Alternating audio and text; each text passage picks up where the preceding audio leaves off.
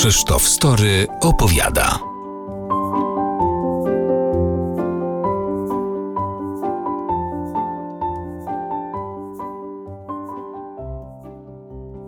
Reporterska podróż przez Polskę. Od największych miast do najmniejszych wsi. Dziesiątki bohaterów, rozmów i historii. Wszystkie spod jednego adresu. Dzień dobry. Nazywam się Krzysztof Story i witam Was w podcaście o Polakach. O nas samych de facto. O zwykłych ludziach z zaprzypadkowych drzwi. O ludziach, którzy nigdy wcześniej nie udzielali wywiadu. Postaram się pokazać Wam, że także w ich historiach możemy znaleźć coś niezwykłego. Poza dziennikarstwem, moją pasją, pracą i życiem de facto stały się podróże, zwłaszcza te górskie. Z piosenki górskiej zaczerpnę więc cytat, którym chciałbym zacząć, tłumaczenie o co tak naprawdę tutaj chodzi. Oto cytat. Kiedy głosy usłyszę u drzwi czyjekolwiek, wejdźcie poproszę. Jestem zbieraczem głosów. I ja w takiego zbieracza głosów nieco ponad dwa lata temu postanowiłem się wcielić. Dokładnie takiego zbieracza głosów, o jakim śpiewa Wolna Grupa Bukowina w piosence przepięknej pieśni Sielanka o domu. Więc w tym podcaście, w tych nagraniach, mówił będę do Was ja, Krzysztof Story. Ale tak naprawdę będą mówili oni, bohaterowie z przypadku, Polacy, ludzie z całej Polski, ludzie, w cudzysłowie ujmując, zwykli. Od ponad dwóch lat zbieram ich głosy w ramach projektu dziennikarskiego, który roboczo nazwałem Za drzwiami. Metodologia tego całego projektu, tej dziennikarskiej pielgrzymki przez Polskę, jest prosta, bardzo prosta, by nie rzec prostacka. W zasadzie zamyka się w trzech punktach. Całe zasady tego projektu to trzy proste kroki. Pierwszym jest przypadek, zdanie się na losowość i tutaj jest to zrealizowane w najprostszej możliwej formie. Pierwszym krokiem jest wybranie adresu. Nieco ponad dwa lata temu wybrałem jeden konkretny adres. Ulicę i numer domu. Ulicę odpowiednio często pojawiającą się w całej Polsce. Drugi krok to podróż, czyli w moim przypadku ciężka praca fizyczna.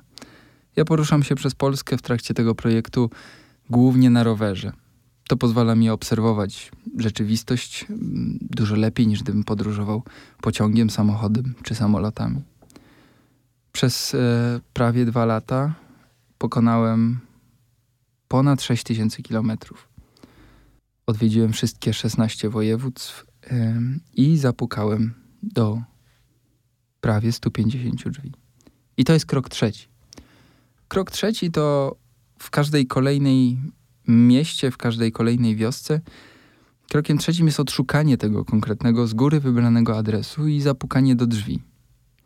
W tym momencie, w tym momencie zapukania do drzwi, kon moja kontrola nad projektem się kończy. Przejmują ją ludzie, którzy mi otworzą.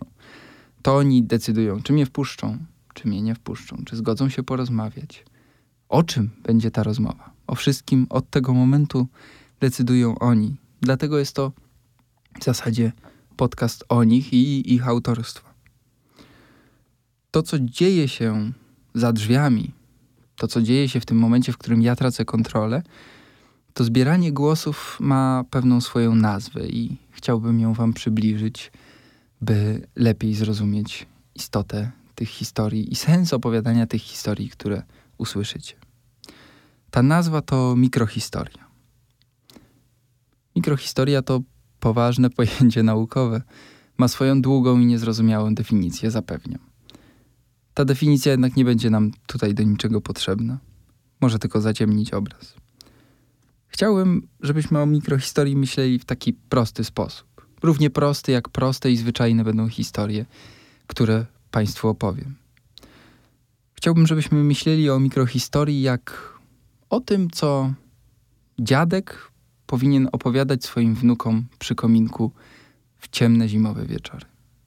Tak można o tym myśleć i nie trzeba wcale wstydzić się, że nie uciekamy się do encyklopedycznych i długich definicji.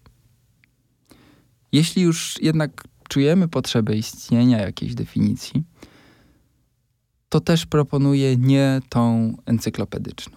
proponuję definicję intuicyjną, poetycką. Taka de taką definicję stworzył amerykański historyk Charles Joyner. Stworzył definicję mikrohistorii, która jest jednocześnie myślą, która mi przynajmniej przyświeca w całym tym projekcie.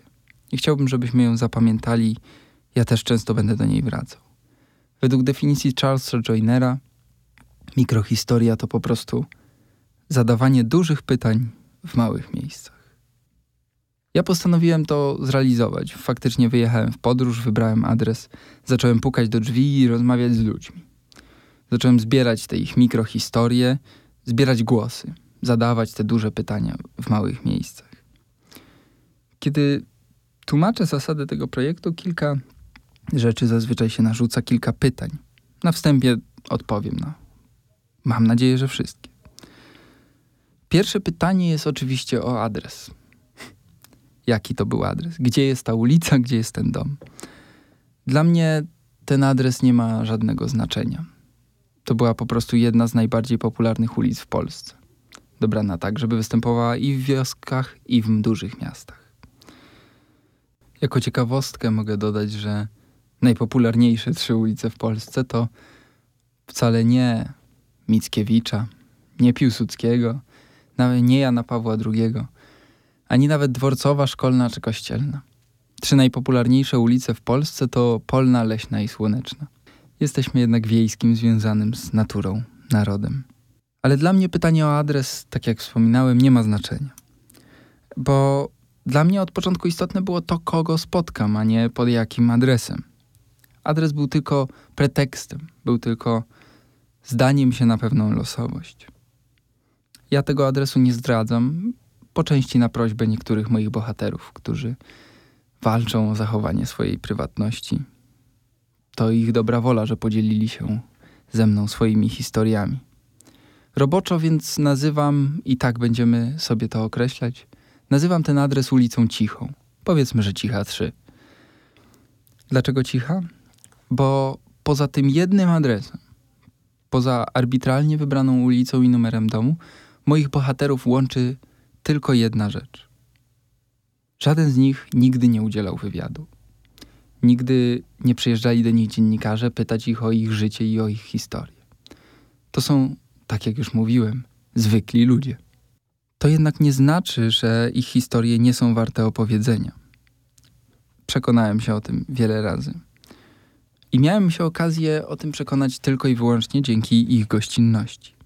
I to jest drugie pytanie zazwyczaj zadawane mi kiedy opisuje te proste jednak zasady projektu za drzwiami. Czy ktoś ci w ogóle otworzył?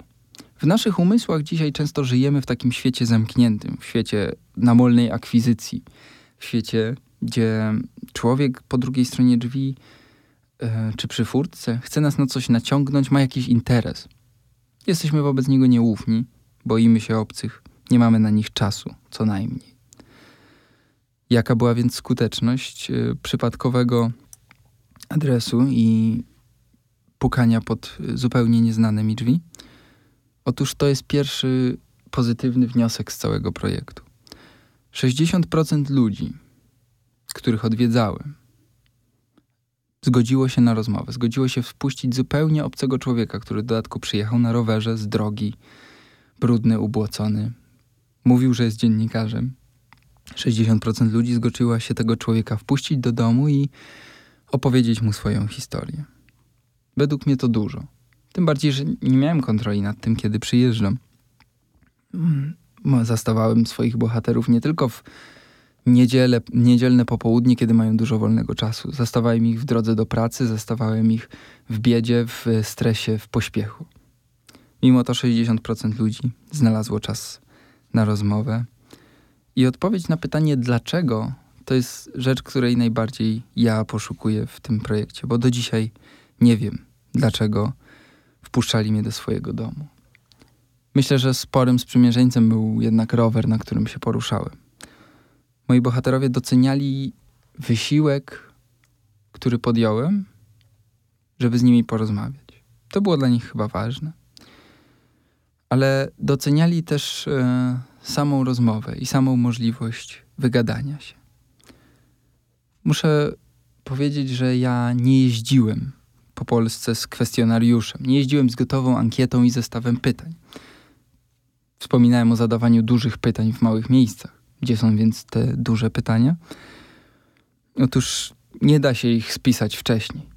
Nie da się e, zaprojektować ankiety, dzięki której dowiemy się wszystkiego.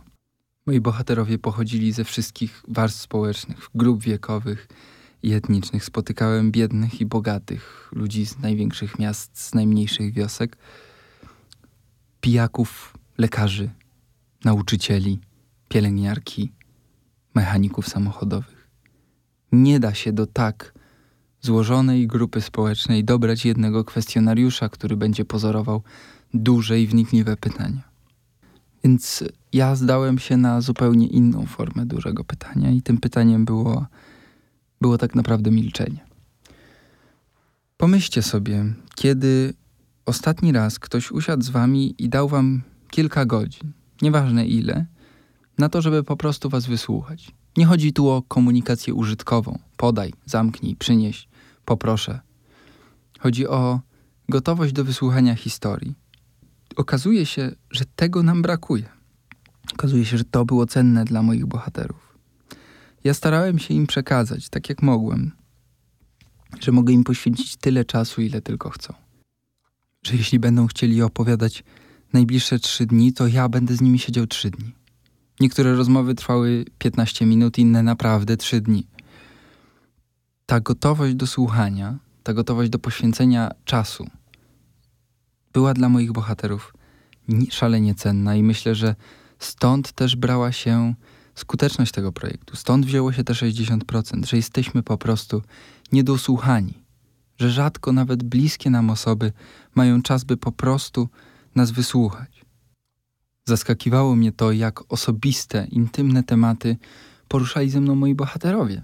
To powinno być większość z tych historii na zdrowy rozum, zarezerwowana dla najbliższych, dla rodziny, znajomych, partnera. Mimo to dzielili się tymi przeżyciami z zupełnie obcym człowiekiem, który nie miał im nic do powiedzenia tak naprawdę. E, nie ma hipnozy, nie ma uniwersalnego wytrycha, dzięki którym zmusimy ludzi do opowiadania, zachęcimy ich. Nie ma takiego uniwersalnego otwieracza ludzi, zdobywacza historii. Jedyny, jaki znalazłem podczas tego projektu, to jest po pierwsze szczerość. Ja moim bohaterom nie miałem do zaoferowania nic poza prostym przedstawieniem się, opisaniem zasad projektu za drzwiami, tych samych, które teraz opowiadam Wam. I liczenie na to, że się zgodzą. A po drugie, uniwersalnym, najbardziej uniwersalnym wydrychem, który znalazłem, jest po prostu gotowość do słuchania. Jest skupienie na drugiej osobie, spojrzenie, e, bardzo uważne słuchanie, dopytywanie, rzeczywiste zainteresowanie historią. Ja się starałem poświęcić 100% uwagi temu, co mówią moi bohaterowie, i nieważne, czy to były sprawy życia i śmierci, czy coś pozornie bardzo błahego to oni decydowali o czym chcą opowiadać, ja mogłem ich tylko słuchać, notować, by potem opowiedzieć to wam. Okazuje się więc, że największym pytaniem może być często milczenie. Rzadko je zadajemy. Okazało się w trakcie tego projektu, że naprawdę ciężko jest czasami milczeć, a jednak y, ja się staram do tego zmuszać. Najfajniejszy moment wywiadu, najbardziej ciekawy moment wywiadu dla mnie, to jest ten, w którym mój bohater zawiesza głos. I teraz jest pokusa zawsze, żeby tę ciszę przerwać pytaniem, przerwać kolejną kwestią z listy dyżurnych pytań. Bo cisza robi się coraz bardziej niezręczna, im dłużej trwa. A jednak warto, mam wrażenie, tej ciszy niczym nie przerywać. Niech ona sobie trwa. Niech trwa 3-5 minut, nieważne. Lubiłem te momenty, kiedy moi bohaterowie zawieszali głos, nie wiedzieli co powiedzieć, a ja po prostu siedziałem i czekałem, aż ten człowiek przemówi. Bo w ten sposób dociera się do takich rzeczy w rozmowie, e, do takich historii, o których nie znając bardzo dobrze swojego rozmówcy, ja nigdy nie byłbym w stanie zapytać. Nigdy nie byłbym sam w stanie dojść w te w te opowieści nie byłbym w stanie dojść, mając w ręku kwestionariusz z gotowymi pytaniami. Podsumowując, trzecim pytaniem, które najczęściej słyszę odnośnie projektu za drzwiami, jest to, o czym rozmawialiście. Odpowiadam, że ja nie miałem na to żadnego wpływu. To moi bohaterowie decydowali, o czym lub o kim chcą mi opowiedzieć.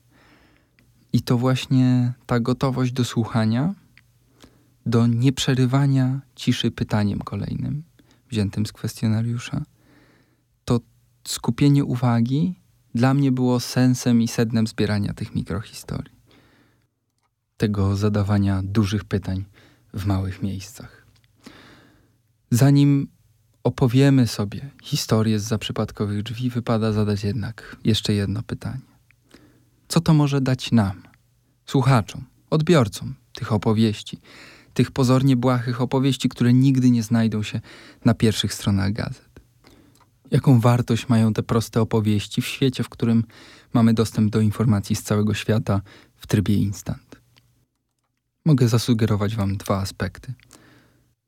Po pierwsze, prosta historia opowiedziana przez zwykłego człowieka jest opowieścią, z którą łatwiej możemy się utożsamić.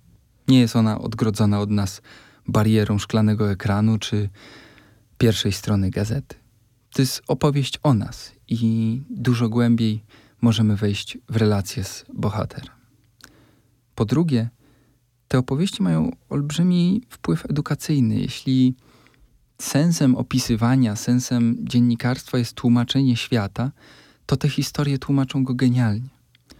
Tylko w zupełnie inny sposób niż byśmy tego oczekiwali, w zupełnie inny sposób niż jesteśmy do tego przyzwyczajeni. Wytłumaczę to Wam na przykładzie. Kilku z moich bohaterów bardzo dobrze jeszcze pamięta II wojnę światową. Zastanówmy się, czego uczy nas na przykład szkoła o II wojnie światowej. Zaczynamy od ogółu, prawda? Od 1939-1945. Potem kolejne nazwiska, daty bitwy, imiona generałów, pakty, umowy, konferencje międzynarodowe. To wszystko. Ogół. Od ogółu przechodzimy do szczegółu. A teraz, gdyby zacząć zupełnie z innej strony, gdyby opowieść o tak wielkim procesie zacząć od spotkania z jednym człowiekiem, z panią Anastazją z Podkoszalina, która po II wojnie światowej została przesiedlona pod Koszalin w ramach akcji Wisła. Być może ta opowieść, opowieść Anastazji, staruszki z Podkoszalina, nie da nam encyklopedycznej wiedzy. Na pewno nam jej nie da, bo Anastazja nawet nie zna dat, rozkazów, nazwisk, miejsc ważnych bitew, konferencji, które zdecydowały o jej losie.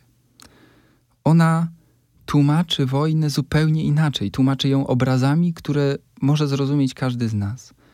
Ona nie tłumaczy przesiedleń przez daty i nazwiska.